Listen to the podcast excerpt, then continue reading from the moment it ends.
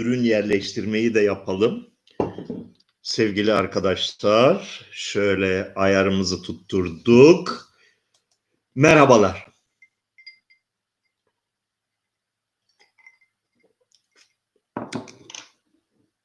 Geçen hafta bugüne kadar yapmadığım bir şeyi yapıp Patreon'dan lütfen Pamuk Eller Cebe operasyonu yapalım diye önerdim.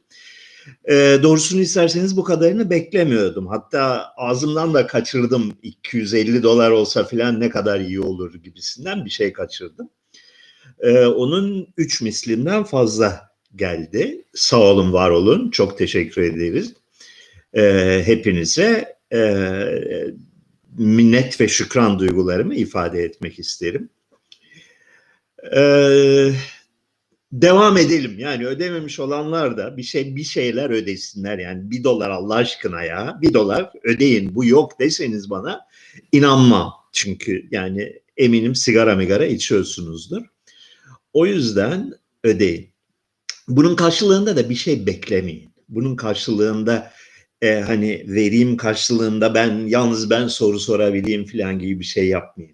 Niye veriyorsunuz? Başkaları için veriyorsunuz. Yani veremeyenlerin yerine, vermek istemeyenlerin yerine siz verin. Öylesi daha güzeldir. E, veriyorum, karşılığını alıyorum hesabına girdiğiniz zaman e, vermek olmuyor o. Bir e, eşdeğerlik oluyor, bir şey oluyor, bir e, alışveriş oluyor. Alışverişe girmeyin. Yani e, para ödemeyenlerin, para ödeyemeyenlerin, ödemek istemeyenlerin de faydalanması için verin. Öyle öyle olunca daha iyi hissedeceksiniz kendinizi. Ee, bir hayli şeyler geliyor. Akıl fikir verenler geliyor. Dur bakayım bir şeyler okuyayım şuradan. Ne diyorlar? Bir kere bir arkadaş uzun uzun yazmış. Yerli Patreon kitlesinden bir bok çıkmaz. Ee, filan falan. Ee, reklam alın diyor. Reklam almak çok daha somut bir çözüm. Reklam almaktan hoşlanmıyorum. İğreniyorum reklamdan. Ee, çağdaş medeniyetin başındaki en büyük bela olduğunu düşünüyorum reklamın. YouTube programlarına, YouTube e, videoların arasına reklam çıktığı zaman her seferinde küfrediyorum. Ee, çok reklam yapılan ürünleri prensip olarak satın almamak konusunda yıllardan beri bir şeyim vardır. Bir, bir ürün reklam yapıyorsa onu boykot etmek gerekir. Çünkü taciz ediyor.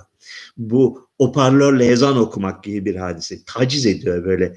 E, senin özeline tecavüz ediyor. Bunun için e, reklam almıyorum.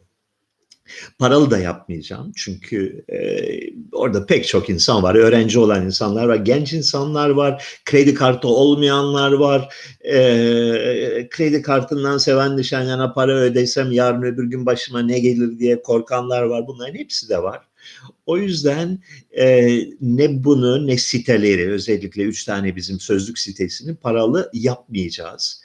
Ama paralı yapmamamızı sağlamak için yani bunun ücretsiz bir hizmet olarak devam etmesini sağlamak için imkanı olanlar lütfen e, Patreon'a gitmekten çekinmesin. E, bu programın başında veya sonunda lütfen patreon.com bölü Nişanyan sayfasını bir ziyaret edip bir sigara parası atıverin. Ondan sonra işte Seven Nişanyan sertifika olabilir, birey adları e, imzanızı taşıyan belge olarak sunulur e, vesaire gibi şeyler öneriyor. Kim uğraşacak? Kim uğraşacak? Yani her hafta buna bir saat ayırmak bile e, bayağı bir zahmet onu biliyor musunuz? Yani kendini programını ona göre ayarlaman lazım uyanık olman lazım. Programdan önce çişe gitmeyi unutmamak lazım. Yani kafanda bir sürü şeyi e, hazır etmen lazım. E, filan. E, formatın, sunumun ve yaklaşımın oldukça casual oluşu, teknik yetersizlikler bunlar olumsuz etkenler demiş arkadaşlar. Bence en olumlu etkenler de tam olarak bunlar. Nefret ediyorum profesyonellikten de e, böyle ciddi ve teknik olarak kusursuz işler yapmaktan da rahat olalım. Yani bir içki sohbeti gibi düşünün bunu. Ondan sonra Samos sürgünü yerine Samos Essays yapın. Dinamik, ışıldayan, enerji, sinerji yüklü, dede görüntüsünden arınmış bir nişanya.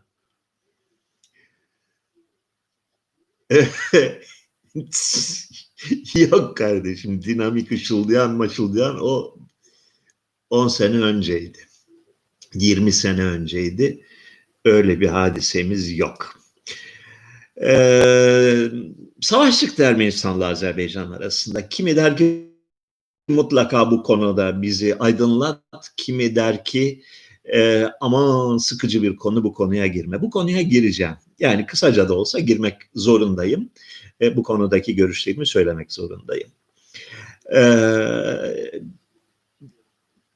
dünyadaki çeşitli çatışmalar arasında bir tarafın siyah ve beyaz şeklinde kesinlikle haklı olduğu çok az e, vaka var. Bu o vakalardan biridir. Yani bu bu şeyde e, Karabağ hadisesinde haklı olan tarafın hangisi olduğu o kadar net, o kadar belirgin ki bunu göremeyenleri ben hakikaten e, kavramakta güçlük çekiyorum.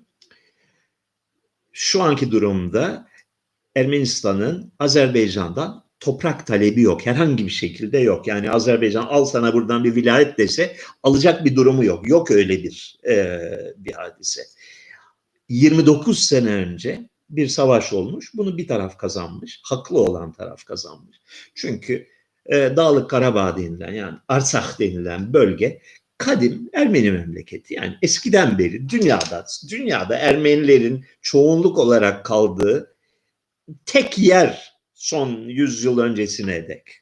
Yani Ermenistan 100-200 yıl öncesine dek. Yani Ermenistan Cumhuriyeti yaratılmadan önce dahi bütün Ermeni coğrafyasında bir kıç kadar bir yer, dağlık bir yer burası. Ulaşılmaz bir yer. Genel kural olarak fazla dağlık olan yerlere yani şey olarak e, e, ekonomik olarak tarımsal olarak fazla verimli olmayan yerlere Müslümanlar ve Türkler girmez. Oraları bırakırlar. Buraları da bırakmışlar. Ermeniler ne halleri varsa görsün zaten fakir bir yer burası deyip bırakmışlar yüzlerce yıl boyunca. Burası Stalin'in puşluğu yüzünden e, Azerbaycan'a dahil edilmiş fakat özellik verilmiş. Bu şeydir. E, böyle saatli bomba ekmek gibi bir şey. Ermenilerle Azeriler arasında çözülmez bir problem olsun ki e, Ruslara muhtaç olsunlar diye yaratılmış bir hadise. Sovyet yönetimi olduğu sürece Dağlık Karabağ'ın Ermenileri ha Azerbaycan vilayetine bağlı ha bilmem Özbekistan vilayetine bağlı fazla fark etmez diye düşündüler. Ne zaman ki Sovyetler Birliği çöküp Azerbaycan bağımsız, milli ve fanatik milli bir devlet olma yoluna girdi. O zaman dediler ki kusura bakmayın sizinle devam etmiyoruz bu yola. Bağımsızlık ilan ettiler. Ee, Ermenistan'ı yardıma çağırdılar. Ermenistan mecburdu yardım etmeye. Yardım etti ikisi arasındaki dar bir koridor var. E, Kelbecer koridoruyla Laçin koridoru denilen iki tane e, ulaşım noktası var. Oraları da işgal ettiler çünkü öbür türlü Dağlık Karabağ'ın varlığını sürdürmesi imkansızdı. Çünkü etrafı tamamıyla Azerbaycan'da çevriliydi. 29 sene önce oldu bitti hadise. 29 senedir Azerbaycan saldırarak bu yeri işgal etmek, fethetmek, kendi topraklarına katmak çabası içinde.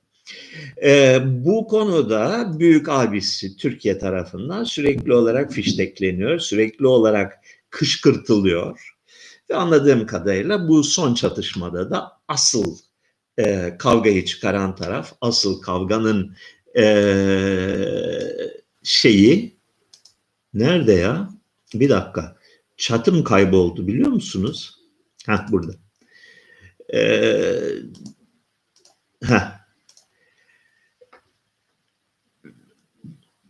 Türkiye bu işi fiştekledi. Gördüğüm kadarıyla askeri birlik gönderdi Azerbaycan'a. Askeri birlik göndermekle kalmadı. Suriye'de e, profesyonelleşmiş, e, çete savaşında uzmanlaşmış kadrolarından bir kısmını gönderdi.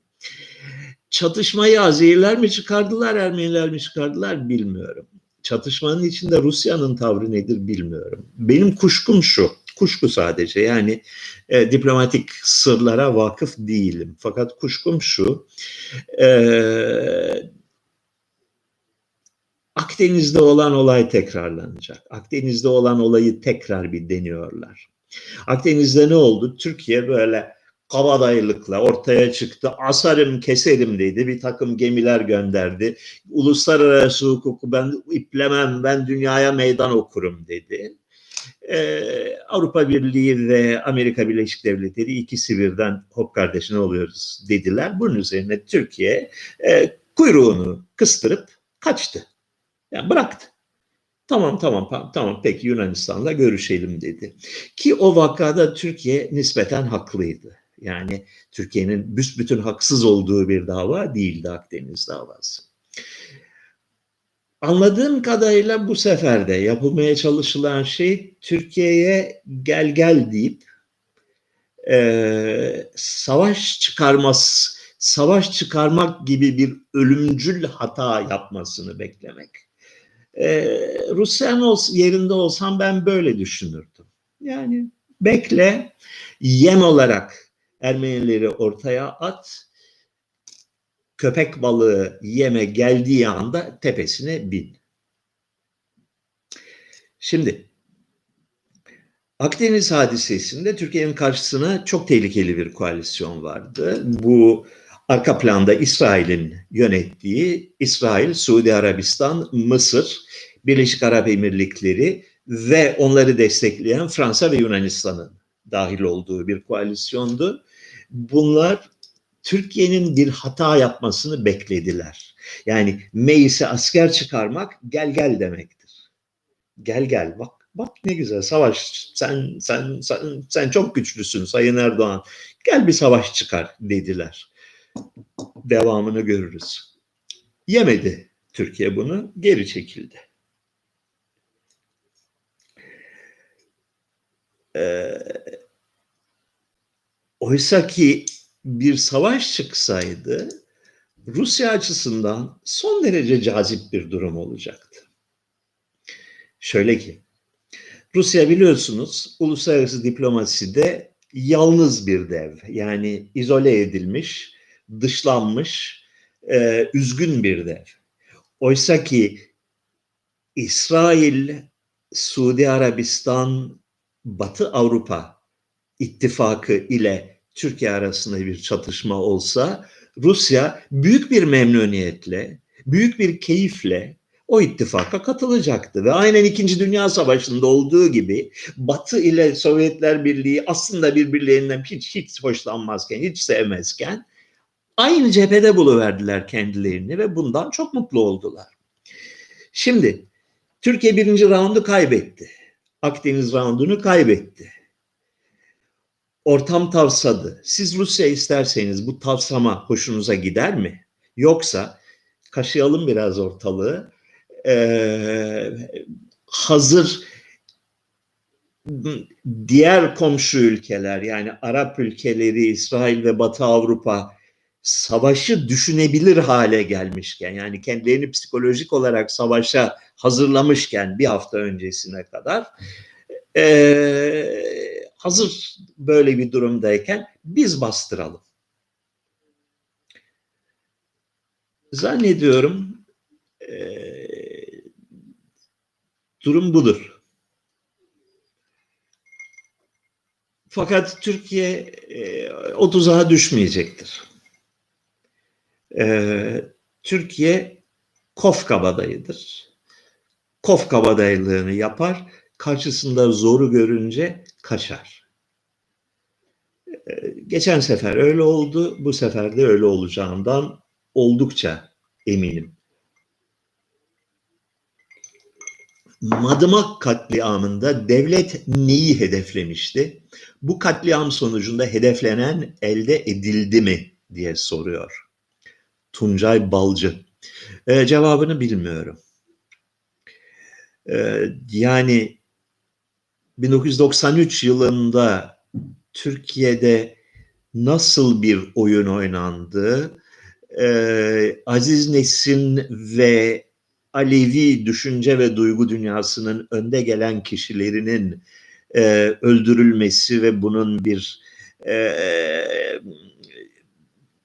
şer'i şeriat isterük diye haykıran bir kalabalık tarafından yapılması hemen peşinden yine devlet tarafından organize edildiği bariz olan bir şekilde e, başbağlarda bu sefer e, Sünni Müslüman bir köyün basılıp e, katliam yapılması ve eşit sayıda insan öldürülmesi neyin e, hazırlığıydı? Kimi kiminle çatıştırmaya çalışıyorlardı?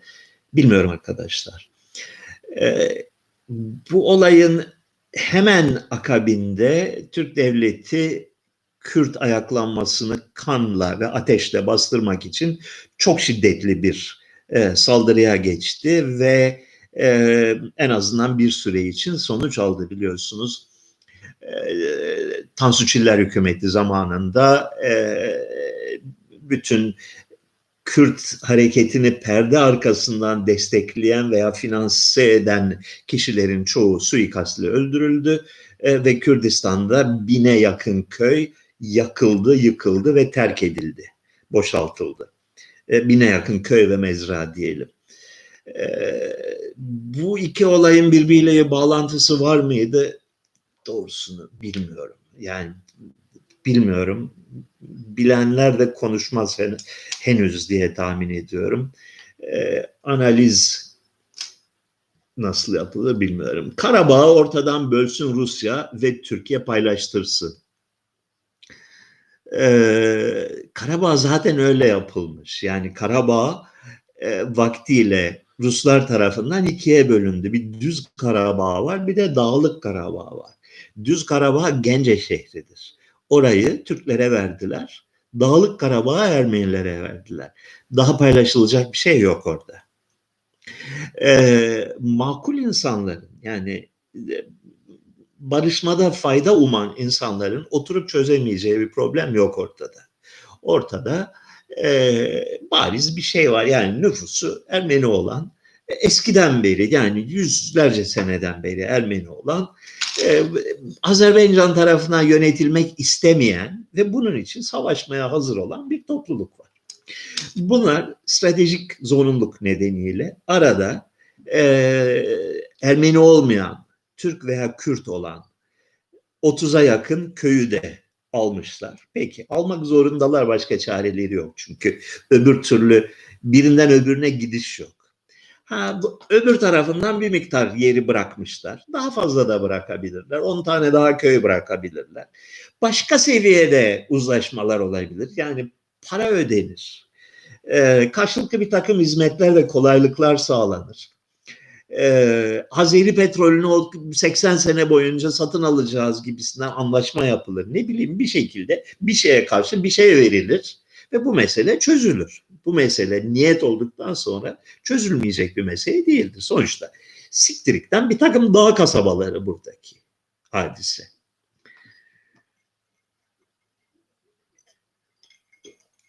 Çözmek istemiyorlar ki çözülmüyor.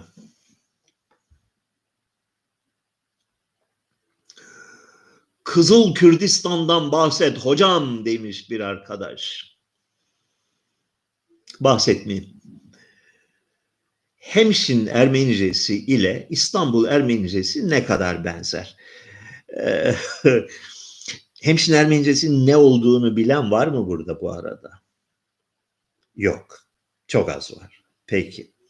Şimdi e, Doğu Karadeniz'in dağlık kısmında Hemşin diye bir memleket var.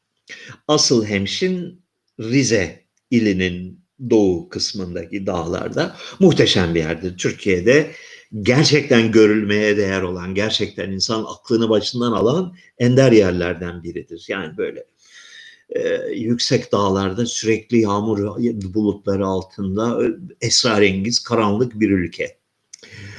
E, buranın halkı bütün tarihi belgelerin bize gösterdiği şu kaç 9. 10. yüzyıldan beri burada dağda başlarına buyruk yaşayan bir Ermeni toplumu varmış. 17. 18. asırlarda bunlar büyük ölçüde dağılmışlar. Ee, sağa sola saçılmışlar. Ee, unutmuşlar. Müslüman olmuşlar. Gerçi ne kadar Müslüman olmuşlar o da pek belli değil de.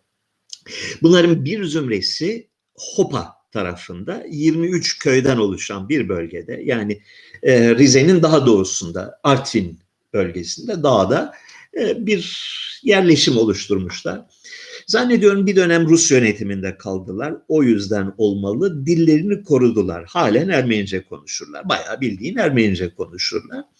E, tuhaf yani uzun süre izole olmanın getirdiği başka bir lehçe konuşurlar. Yani bir İstanbul Ermenicesini bilen biri e, konuşurken pek anlayamaz ne konuştuklarını. Hı, hı, yani aradan kelimeler yakalarsın.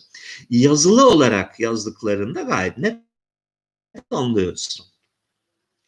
Yani e, farklı bir lehçe fakat Batı Ermenicesinin bir parçası. Ermenice biliyorsunuz ikiye bölünmüştür. Bir Doğu Ermenicesi var, bir Batı Ermenicesi var. Doğu Ermenicesi Ermenistan'da konuştukları. Eski İran Ermenicesinin devamı. Batı Ermenicesi ise Osmanlı Ermenicesinin devamıdır. Bizim dilimizdir. Ee, Hemşin'de konuştukları dil bat, tipik bir Batı Ermenicesi lehçesi fakat İstanbul Ermenicesinden baya baya uzaklaşmış. Ee, bu konuda uzman olan bir arkadaşımız var Huriye Şahin. Kitap yazdı, gramer kitabı yazdı. Ee, önceki sene Samos'ta bizi ziyaret etti. Epeyce güzel sohbetlerimiz oldu. Ee, ondan mesela ben e, Hemşin Ermenicesi hakkında epeyce bir e, bilgi sahibi olma e, imkanını buldum. Dur bir dakika kitabı bulursam onu göstereyim size. Ee, nerede ya kitap?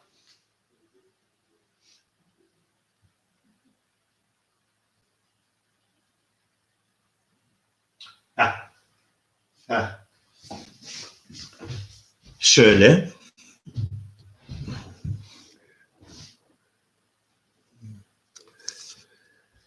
Hamşetsnak lizu kidanutyun hemşince dil bilgisi demekmiş. Hamşensi lezvu kidutyun deriz biz Ermenice, İstanbul Ermenicesinde. Ee, orijinal bir lehçe. Ee, Türkiye'de bunun gibi konuşulan birkaç tane farklı Ermeni lehçesi var. Onu da biliyor muydunuz? Mesela e, güneyde Hatay'da Vakıflı köyü var. Vakıflı köyünde konuştukları Ermeniceyi ben onlara da bir iki gece misafir olmuştum oradaki. Oranın eski muhtarı Abraham Aydın'ın evinde.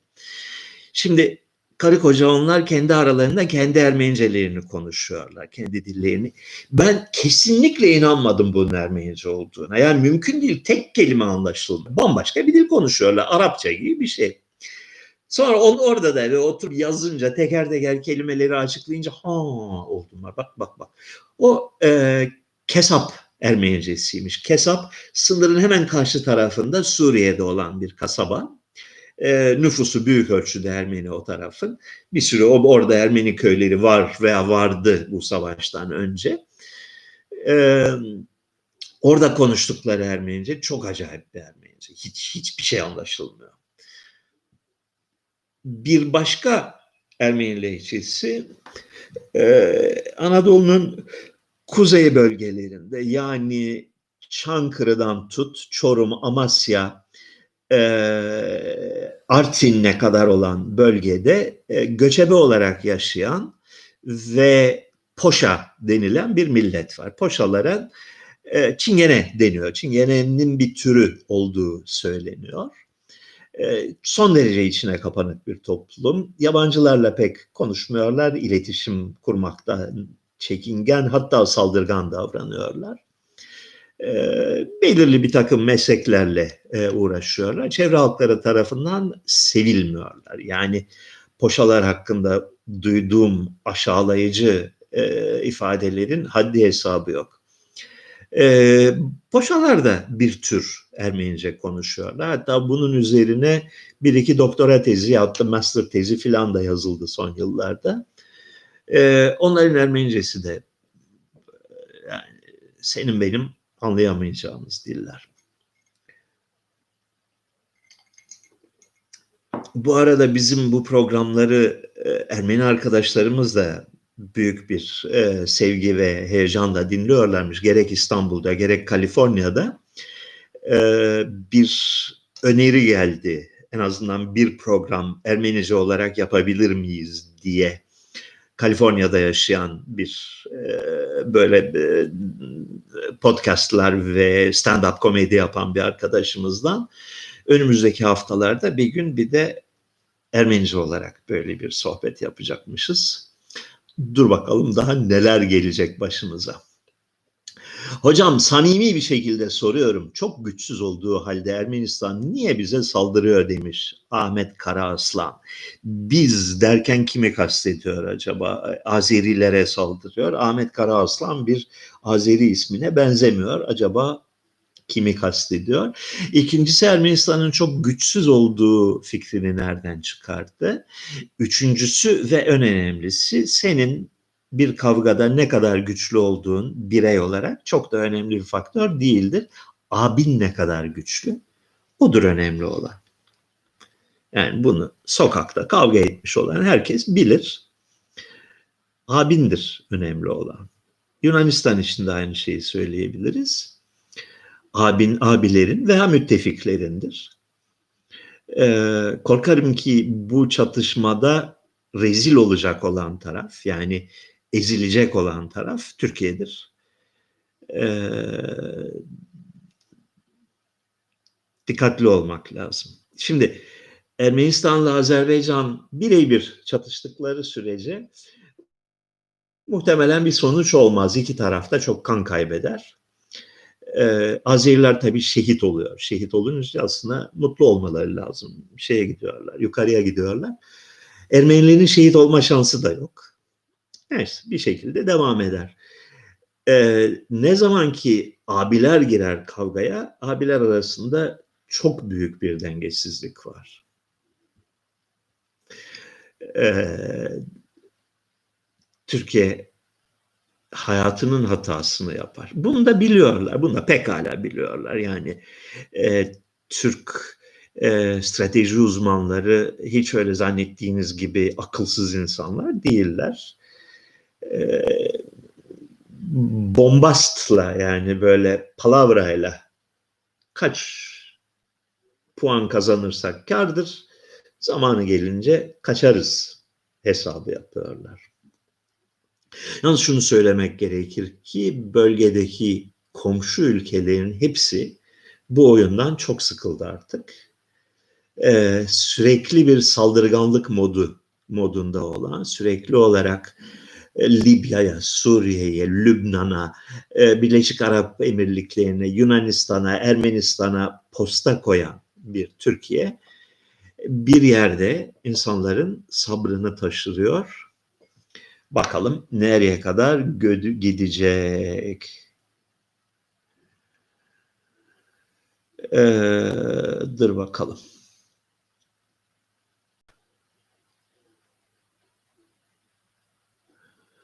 Hocam podcastlerinizde Türkiye için umut yok demiştiniz. Gerçekten hiç mi yok? Veya şeriat gelirim. Ülke nereye gidiyor? Şeriat gelince ne demek, nasıl oluyor onu bir e, inceleyin bence, araştırın. Yani e, Türkiye ve diğer bütün İslam ülkeleri 19. yüzyılda neden şer'i hukuktan vazgeçtiler? Ee, şöyle diyeyim, Türkiye'de e, tabii cehalet diz boyu her konuda çok büyük cehalet var. Çünkü eğitim sistemi bunun üzerine kurulu, cehaleti beslemek üzerine kurulu. En çok cehalet olan konulardan biri de şeriat meselesidir. İslam hukuku konusunda Türkiye'de dehşetli bir boşluk var. Yani bilmiyor özellikle biraz okumuş olan insanların bu konuda bir bilgisi yok. Şeriata karşı 19. yüzyılda Türk, Osmanlı aydınlarının hepsi, hepsi ama açıkça söyleyemeseler bile bir çözüm bulmamız lazım noktasına gelmişlerdi. Bunun nedeni şeriatın böyle çok geri, çok e, ahlaksız, çok saldırgan, çok çağ dışı bir şey olması değildi. Şer'i hukukun bir e, entelektüel iktidarsızlık noktasına gelmiş olmasıydı. Yani şer'i hukuk 1400 yıl boyunca Havan'da dövüle dövüle dövüle dövüle tamamen dokusunu kaybetmiş, direncini kaybetmiş. Hukukun temel işlevlerini yitirmiş bir e, soyut tartışma platformuna dönüşmüştür. Şer'i hukukta her bir dava hakkında, her bir sorun hakkında lehte ve aleyhte İslam tarihinden bir sürü fetva bulabilirsin. Ne kadar lüzumsuz konu varsa yani ayakta işemek caiz midir gibisinden saçma sapan konularda şer'i hukuk sağlamdır. Ama e, falan gayrimenkulü birisine borç vermişsin de ondan aldığın krediyle şirket kurmuşsun da şirketin batmışsa bunun ortağı da ölmüşse onun mirasçısı kim olacak gibisinden temel gerçek hukuk problemlerinde şer'i hukuk tamamıyla iflas etmiş durumdadır. Bir işe yaramaz. Bir e, akademik bir tartışma platformundan öteye bir anlamı kalmamıştır. Şer'i hukukun ceza maddeleri işte hırsızın kolu kesilir filan falan. Zaten Osmanlı döneminde çok büyük ölçüde terk edilmişti. Yani reformdan ön, tanzimattan önce de büyük ölçüde terk edilmişti. Ceza hukuku toplumun kendi alışkanlıkları çerçevesinde oluşur. Kendiliğinden oluşur ve zaman içinde evrilir. Esas konu olan medeni hukuk konusunda acizdir şer'i hukuk. Bir işe yaramaz. Ee, vergi hukuku, kamu hukuku konusunda hiçbir şeyi yoktur. Hiçbir içeriği yoktur. Yani söyleyecek bir lafı yoktur. Ee, ceza hukuku konusunda da bir fazla bir rolü kalmamıştır. Yani şeriatı kabul ettik dediler. Anayasa değişikliği geçirdiler. Şer'i hukuku kabul ettiler. Sonuç ne oluyor zannediyorsunuz ki? Bir inceleyin yani somut olarak inceleyin. Şeriatı kabul ettik dediklerinde ne oluyor?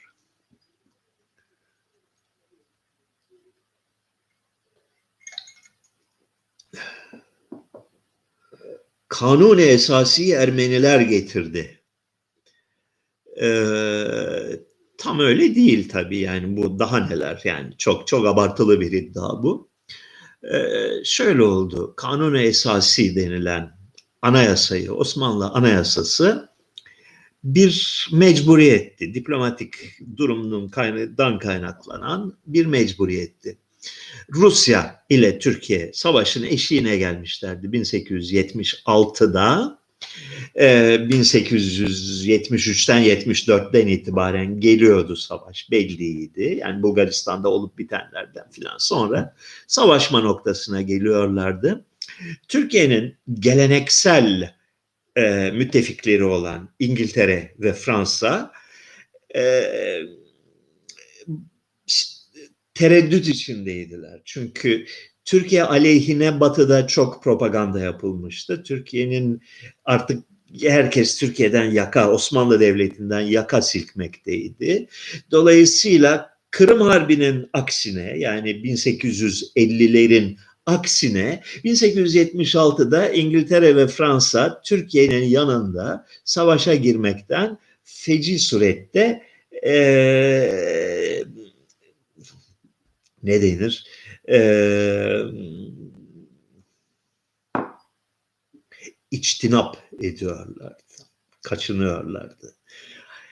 Yani şeyi düşün, bugün de Türkiye sözde NATO ittifakının üyesi, sözde Avrupa Birliği'nin can dostu filan falan. Fakat öyle bir noktaya geldi ki batılı devletler bugün Türkiye bir savaşa, savaşa girdiğinde hmm, bilmem ki deyip sırtlarını dönecekler.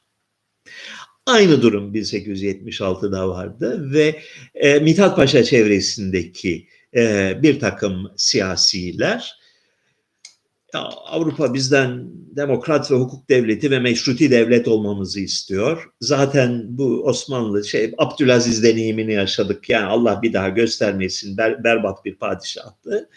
Ee, bir anayasa ilan edelim. Ee, Osmanlı'yı biraz yan, yana çekelim. Biz e, ülkenin aklı başında insanları olarak, babı ali olarak ülkeyi daha iyi yönetiriz bürokrasi olarak dediler.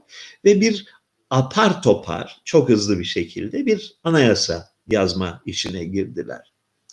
Bu anayasayı öncelikle e, Namık Kemal ve benzeri bir takım idealist kişilere e, havale ettiler. Bu arkadaşlar 1876'nın Ekim-Kasım aylarında toplandılar, toplantılar yaptılar, e, nutuklar attılar, e, vatanı, milleti, dünyayı kurtaracak olan projeler ürettiler. Bir anayasa yazamadılar.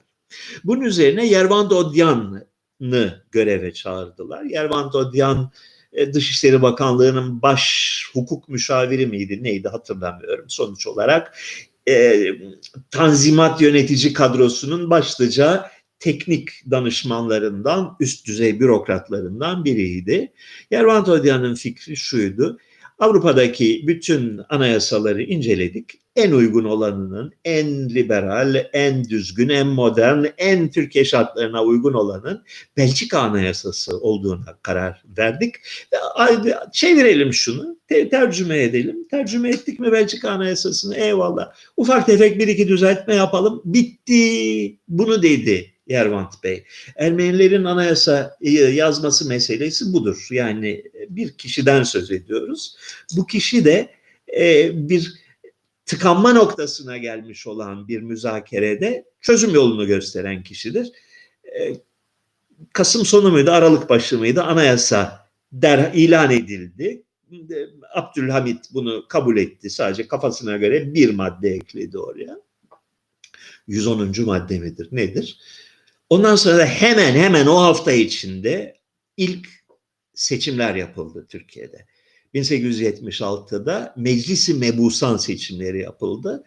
Ee, meclis kuruldu. Bir işe yaramadı. Gene her şeye rağmen savaş çıktı. Üç ay sonra savaş çıktı. Ruslar geldiler. Ee, görülmemiş bir dayak attılar. Yani bütün Balkan e, vilayetleri Rus işgaline uğradı. Ruslar geldiler Ayastefanos'a kadar yani Yeşilköy'e kadar dayandılar. Doğuda Kars, Mars hepsi gitti. Ee, Erzurum'u aldılar. Bitti bir an Osmanlı Devleti. Neyse o aşamada Amerikalı, e, pardon bak Allah söyletti. İngilizlerle Fransızlar müdahale ettiler. Dediler dur dur bu kadar da olmaz dediler. Ve Rusların savaş meydanında kazandıklarını e, barış masasında kaybetmelerini sağladılar. Bu sefer de büyük bir ihtimalle aşağı yukarı aynı senaryo hazırlanıyor. Ee, bakayım bir arkadaş da şöyle bir müdahalede bulunmuştu bakalım. Doküment 4.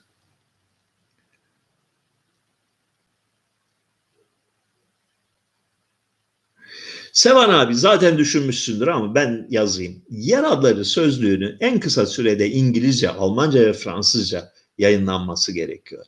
Adı da şöyle olabilir. Kültürel soykırım. Türk devleti Ermenice, Kürtçe, Rumca yer adlarını nasıl yok etti? Veya buna benzer kışkırtıcı bir başlık.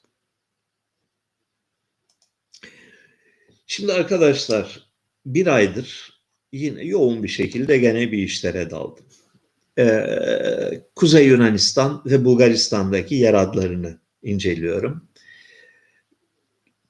Kültürel soykırım istiyorsanız bence bir oraya da bir bakmanızda fayda var. Bulgaristan'da yer adlarının yüzde 90 küsuru 90 19. yüzyıl sonlarına gelindiğinde 1880'lere gelindiğinde Türkçe yüzde 91-92 gibi bir şey görünüyor.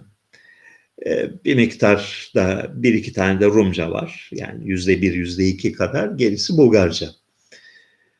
Bunların hiçbiri kalmadı. Yani günümüzde bütün Türkçe ve Rumca yer adlarını düzelttiler. Aynı durum Kuzey Yunanistan için de geçerli. Kuzey Yunanistan'da da e, yer adlarının e, tuhaf bir şekilde yani bunun da tam şeyini e, tarihi sürecini çözmüş değilim. Yaklaşık yarısı Türkçe, yarısı Bulgarca.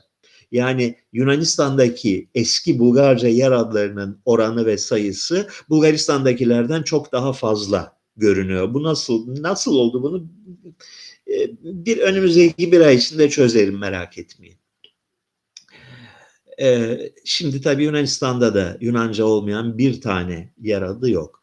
Şimdi adil olmak gerekirse e, Türkiye bu yer adı değiştirme çılgınlığına 1913'te girişti. 1913'te e, böyle bir işe başvurdu.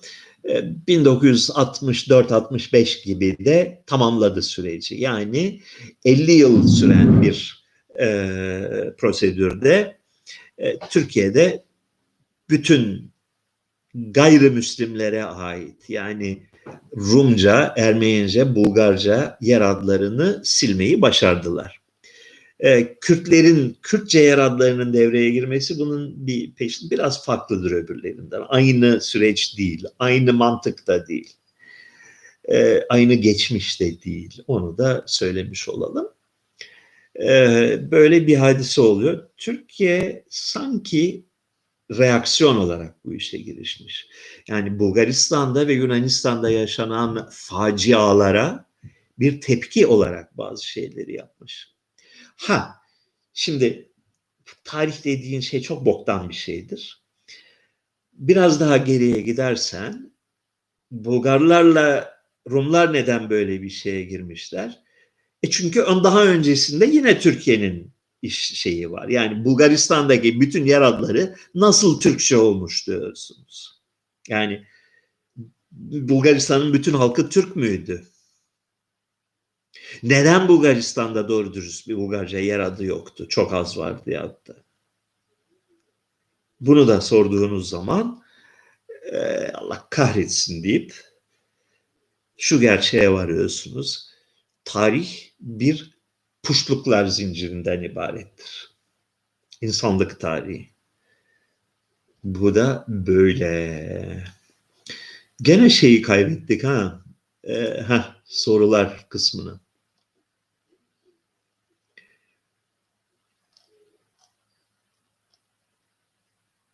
Allah Allah. Bana öyle geliyor ki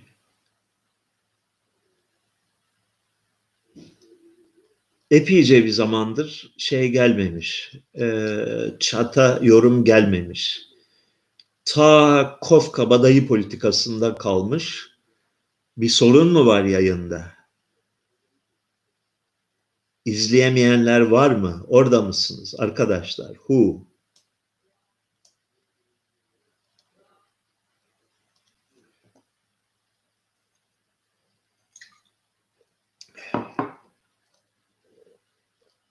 Alo. En son Sevan Avedian adaşımın bir e, yorumunu, bir notunu görüyorum.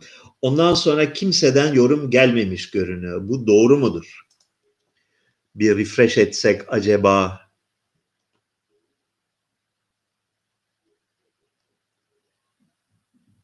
Ee, yok tamam şimdi geldi. Şimdi geldi. Şimdi geldi. Evet, yorumlar akıyormuş. Ben de durmuş nedense. Tamam, tamam, tamam. Okey, okey, okey. Şimdi görüyorum. Kızıl Kürdistan'ı anlat abi. Vallahi bilmiyorum Kızıl Kürdistan nesini anlatacağım bilmiyorum. 1946'daki hadise mi? Mehabat Cumhuriyeti mi Kızıl Kürdistan? Ee, Ruslar İran'ı işgal etti. İran'da devlet yıkılmıştı. Ruslar mecbur oldular işgal etmeye. E, fırsattan istifade e, Molla Mustafa Barzani önderliğinde Mehabat'ta bir Kürt devleti kuruldu. E, 6 ay mı 8 ay mı ne yaşadı? Sonra sizlere ömür. Ermenistan bildiğin köy amına koyayım demiş Adil Girgin o kadar değildi ama ufak bir yer yani çok küçük bir yer. İki buçuk milyon nüfusu var. Yani İstanbul'un dörtte biri diye bile değil, altıda biri filan kadar bir yer, bir yer. E, ama e, o kadar da bir köy değil. Atos Manastırı'nı Alpasların kayınbiraderi Erişken kurmuştur. Bunu hiç duymamıştım. Atos Manastırı, manastırları Atos'ta bir tane manastır yok. Bir sürü manastır var. Bunların çoğu Bizans döneminden kalmadır. İlk ne zaman kurulmuş tam bilmiyorum, hatırlamıyorum ama e, 10. 11. yüzyılda kurulan bir hayli manastırlar var biliyorum. E, Bulgaristan'da gördüğüm en hoş yerlerden biri ise e, neydi? Allah'ım ya Rabbim Beç e, Beçinska mı diyeceğiz öyle bir şey. Bir, çok güzel bir manastır. Asenovgrad kentinin hemen güneyinde, Asenovgrad'ın aşağısında e, ormanlar, dağlar içinde harikulade güzellikte bir yer. Çok güzel bir yer. E, hem bina kompleksi olarak çok güzel hem de 19. yüzyılda bir arkadaş gelmiş bunları resimlemiş bütün duvarları. Yani klasik Ortodoks e, ikona geleneği çerçevesinde tamamen modern, daha farklı bir yorum getirmiş. Bir 19. yüzyıl yorumu getirmiş. E, çok güzel bir yerdi. Bir de ne görelim? E, yaptıran kişi Bakuriani, e, Grigor Bakuryan, Artin Yusufelli 11. yüzyılda yani Alparslan'la aşağı yukarı aynı dönemde bu Bakuryani ailesi bir dönem Yusufeli e, bütün Anadolu Bizans siyasetinde çok önemli kilit bir beylik, bir krallık olmuştu. E, oradan hareketle sene 1000 civarı, sene 980 civarında Bizans'ın taht kavgalarında önemli bir rol oynadılar oranın hükümdarları. Ee, sonra e, Erzurum'u Müslümanlardan fethettiler. Malazgirt'i fethettiler. Bu Malazgirt Savaşı'ndan bir süre önce oluyor. Ve bütün doğuda yani doğu, kuzey doğunun dağlık kısmında bir e, egemenlik kurdular. E, Türkler gelince bunlar dağıldı. Önce Bizans bunları dağıttı. Peşinden Türkler gelince e, dağıldılar ve o egemenlik döneminin, o beyliğin ileri gelenlerinden biri olan Grigor Bakuryan, e, Bulgaristan'a yarı sürgün yarı vali olarak atanmış. Oraya da gidince çok güzel bir manastır yaptırmış. E, Beçkovo idi galiba adı. E, o da bize gurur verdi. Bu e, Yusuf elindeki yani Daik ya Dao denilen e, ülkenin beyleri aslen Ermenidir. Fakat Ermeni kilisesine ve Ermeni dinine, Ermeni mezhebine e, sırtlarını dönerek Bizans tarafına geçmişlerdir. Ve Gürcü kültürünü e, promote etmişler. Yani Gürcüleşmişler. Ee, Gürcü kültürünün Ermenilere bir alternatif olarak yeniden tarih sahnesine çıkmasında başrolü oynamışlar ve 800 yıl boyunca onların soyundan gelen e, kişiler Gürcülerin kralı olmuş. Gürcüleşmişler. E, Yani buradan ne sonuç çıkarıyoruz? Etnik ve ulusal kimlikler tarihte son derece akışkan şeylerdir. Birer kültürel kolektivitedir, birer siyasi olgudur. İnsanlar ve toplumlar tahmin etmeyeceğiniz kadar kolay bir şekilde ulusal kimlik değiştirir, dil de değiştirir. Bir dil yerine başkasını konuşmaya başlarlar. Dil öğrenmek bir marifet değil ki. İnsanlar dil öğrenir. Eski dilin izleri, anıları, problemleri, yaraları kalır. O başka. Ama tarihte çok yaygın bir hadisedir. Ee, özellikle Türk milleti bu konuya hiç de yabancı değildir. Ee, ulusal kimlikler değişir.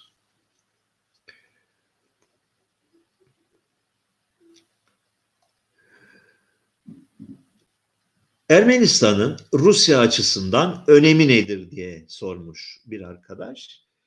Ee, bariz yani Transkafkasya, Kafkasya'nın güneyi e, önemli bir bölge. Yani Rusya'nın Orta Doğu'yla kilit şeyi e, zincir baklası olan bölge. Öteden beri ta eskiden İngilizler, şimdi Amerikalılar Türkiye bu bölgeyi ele geçirmeye çalışırlar. Ruslar açısından ise bölgedeki tek güvenilir müttefikleri Ermeniler. Ha, Ermeniler Rusları çok sevdiğinden değil. Ermenilerin başka çaresi olmadığında. Yani e, Ermeniler tarihin çeşitli aşamalarında pekala İran'la da pekala Osmanlı'yla da yani Türklerle de müttefik olabilmişlerdir.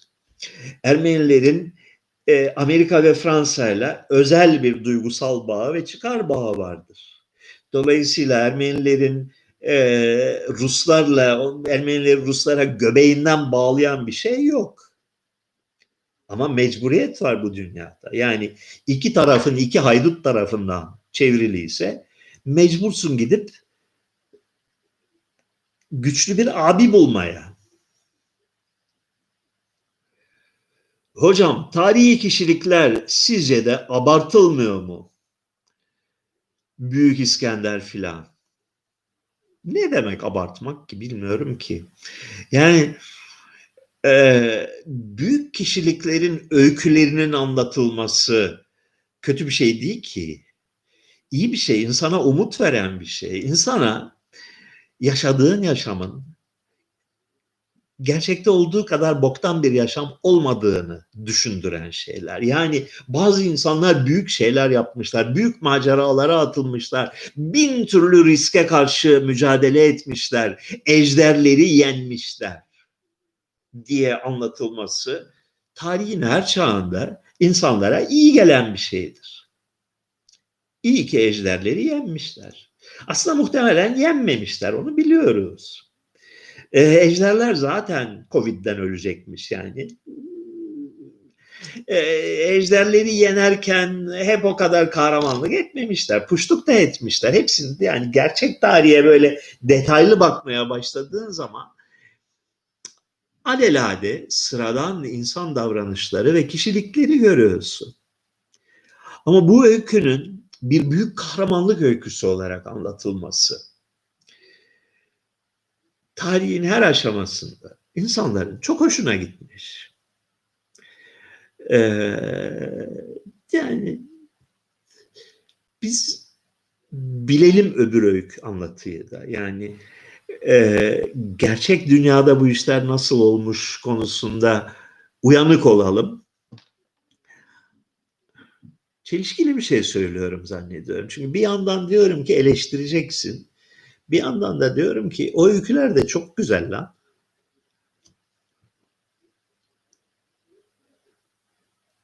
Büyük İskender'i düşün. Piç kurusu 20 yaşında mı ne yola çıktığında? Ee, milletin intikamını almak için yani Ege sahilinde bir işler yapmak için yola çıkmış. Yani Ege'nin Anadolu sahilindeki bazı şehir devletlerinin İran'ın kontrolünde olması e, hoşlarına gitmediği için bu şehir devletlerini kurtarmak için yola çıkmışlar. E, ufak bir orduyla. Ama teknolojik olarak son derece gelişkin, yepyeni bir, bir, bir dizi savaş tekniği geliştirmiş bir e, orduyla yola çıkmışlar. Çanakkale Boğazı'nı açmışlar. Makedonya'dan geliyorlar. Trakya'yı geçiyorlar. Çanakkale Boğazı'nı e, geçiyorlar. İran ordusu çıkmış karşılarında. Pers ordusu. Granikos'ta yani bugünkü Biga'da Man şeyin e, Balıkesir'in Biga ilçesinde karşılaşmışlar. Darmadağın etmişler orduyu. Öylesine darmadağın etmişler ki Batı Anadolu'daki İran egemenliği çökmüş. Ondan sonra serbest yürüyüşle gelmişler teker teker armut toplar gibi şehirleri toplamışlar. Antalya'ya kadar inmişler. Ee, ordu demiş ki biz yorulduk arkadaşlar yani artık yavaş yavaş biz dönsek olur mu? Ama kafalarında şu var şimdi İran devasa bir imparatorluk. Yani bir ucu Çin'e dayanan e, bugünkü Afganistan, İran, Özbekistan, e, Suriye, Irak, Mısır her tarafı içeren devasa bir dünya gücü. Biz siktirikten bir ufak Yunan devletiyiz. Şimdi bu İran yenildi gerçi dağıttık ama geri gelip de vurursa ne olacak? Yani biz çekildiğimiz anda geri gelecek ve intikam alacak. Bu sefer sadece şeyi e, Anadolu'nun Ege bölgesini almakla kalmayacak. Makedonya'ya saldıracak. Eh. O yüzden nihai bir savaşa gitmeden bu iş olmaz. E, yürümeye devam etmişler. Orta Anadolu'yu şöyle bir topladıktan sonra e, devam etmişler ve sürekli İranlılara gel gel demişler. Yani biz buradayız hani hani hani cesaretin varsa gel. İran ordusu bu sefer İskenderun yakınında, Erzin'de yani e, İskenderun'la Adana arasında bir yerlerde is, dört yol, dört yolun oralarda bir kere daha gelmiş ve bu sefer feci bir yenilgiye uğramış. Yani şeyin İran padişahının e, haremini, karısını, kızını filan falan da ele geçirmişler Yunanlılar. Bu sefer arkasına bakmadan kaçmış İran. Buna kolaymış bu deyip devam etmişler. Orta Doğu'yu almışlar. Mısır'ı da şöyle bir yine armut toplar gibi toplamışlar. Devam etmişler. Şeyin içine doğru, İran'ın içine doğru gidelim. Bakalım nasıl bir yermiş burası demişler. İran'da bir kere daha ve son nihai olarak son vermişler İran'ın e, askeri gücüne. E, yürümüşler Doğu İran'da Afganistan'a dayanmışlar. Afganistan'dan Özbekistan'a, Tacikistan'a kadar çıkmışlar. E, e, askerleri yeter artık demiş. Bunun üzerine askerlerin bir kısmını idam ettirmiş. E, bir kısmıyla yola devam etmeye karar vermiş. Duymuşlar Hindistan diye bir memleket var. Acayip zengin. Hadi bir de Hindistan'ı fethedelim buraya kadar gelmişken demişler. Böyle bir hikaye. Şimdi bunu, bunu yapan çocuk 23-25 yaşında bir şey. Ee, yani bu büyük değilse daha başka ne var büyük? Yani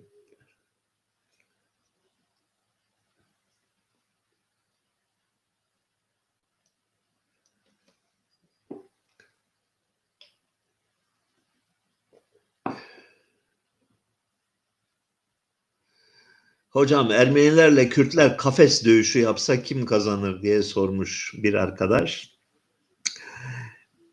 Daha iyi sorular sorun ne olur. Yani lütfen rica edeyim.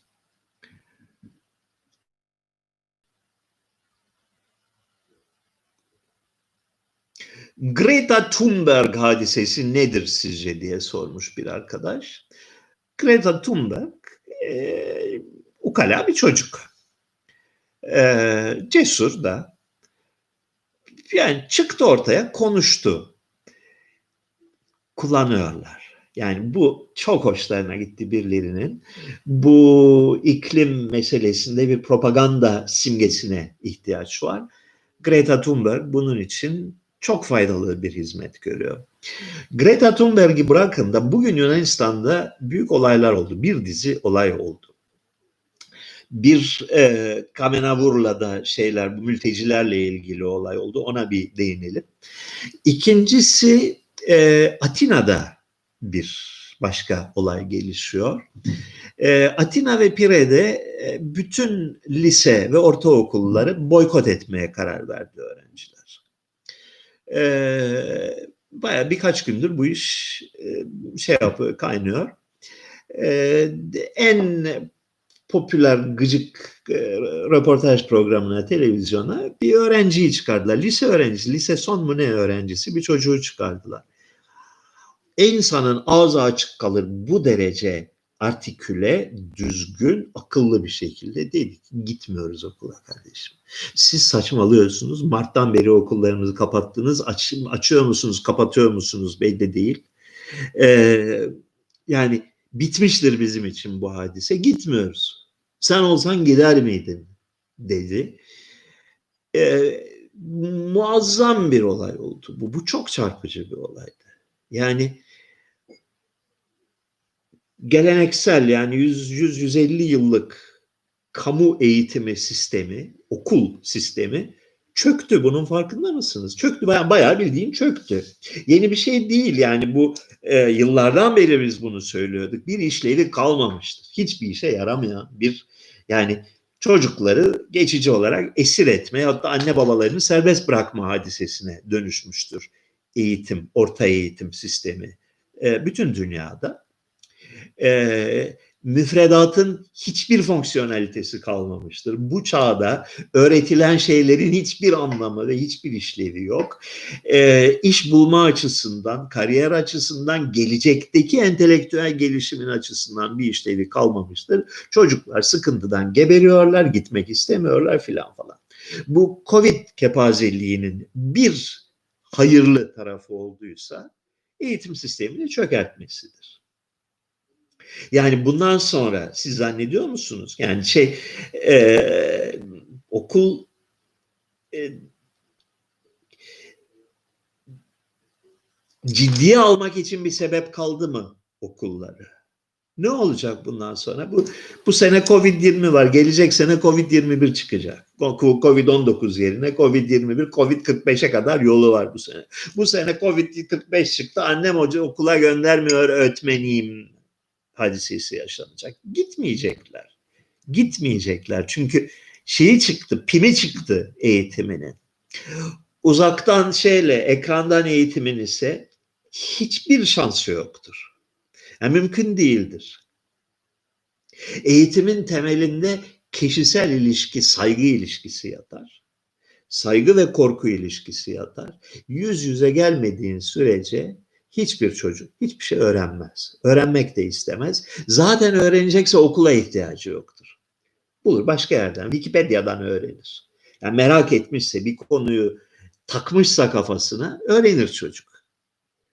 Yoksa e, bir takım saçma e, videolarla e, eğitimini sürdürmez, sürdüremez. Eğitim sisteminin zaten ölümcül hastaydı eğitim sistemi. Eğitim sisteminin yeniden ayağa kalkmasına ben ihtimal vermiyorum. Bunu da bu Covid sahtekarlığının tek ve belki en önemli e, olumlu sonucu olarak değerlendiriyorum. Ha onun yerine ne konacak? İnsanlar neye göre kariyer sahibi olacaklar? Neye göre sosyalleşecekler? Çünkü eğitimin temel işlevi sosyalleştirmektir. Yani eğitimin temel işlevi vahşi bir hayvan olarak doğan insan çocuğunu toplum içinde işler hale getirmektir. Biraz aile bunu bu görevi yerine getirir. Ee, biraz da eğitim bu görevi yerine getirir. Ee, orta eğitim kurumları bu konuda son derece başarısız olmaya başlamışlardı. Son 10, 20, 30 senedir. Ee, şimdi onlar artık olmayacak.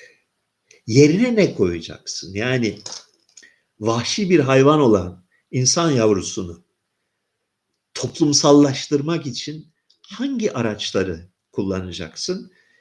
Önümüzdeki dönemin önemli konularından biri de bu. Hocam Gödel, Escher, Bach kitabını okudunuz mu? Okuduysanız ne düşünüyorsunuz? Gödel, Escher, Bach kitabını 1982'de mi desem, 83'te mi desem okumuştum. Okuduktan sonra da tekrar ve tekrar 2-3 defa okudum. Ee, ilginç bir kitap. Son derece zekice yazılmış. Ee, insanda entelektüel merak uyandıran bir kitap. Ee, fakat işin Gödel tarafını anlamadım. Anlamadım. Bu olaydan bir iki sene sonra, demek ki 84'te okumuşum ben bunu. Çünkü 86'da Ali Nesin'le beraber hapse düştük askeri cezaevine. Ali Nesin matematikçi, üstelik Gödel konusunda uzmanlığı olan biri. Ya dedim usta bana anlat bu Gödel teoremi nedir? Yani benim anlayacağım şekilde anlat ben. Yani matematik konusunda salak sayılırım. Anlattı. Dedim, aklım yatmadı. Bir daha anlat. Bir daha anlat. Olmadı. Ben anlayıncaya kadar anlat. Böyle bir 40 günlük filan bir dönem boyunca bana en az 10 defa Gödel teoremini anlattı Ali Nesin. Basmıyor.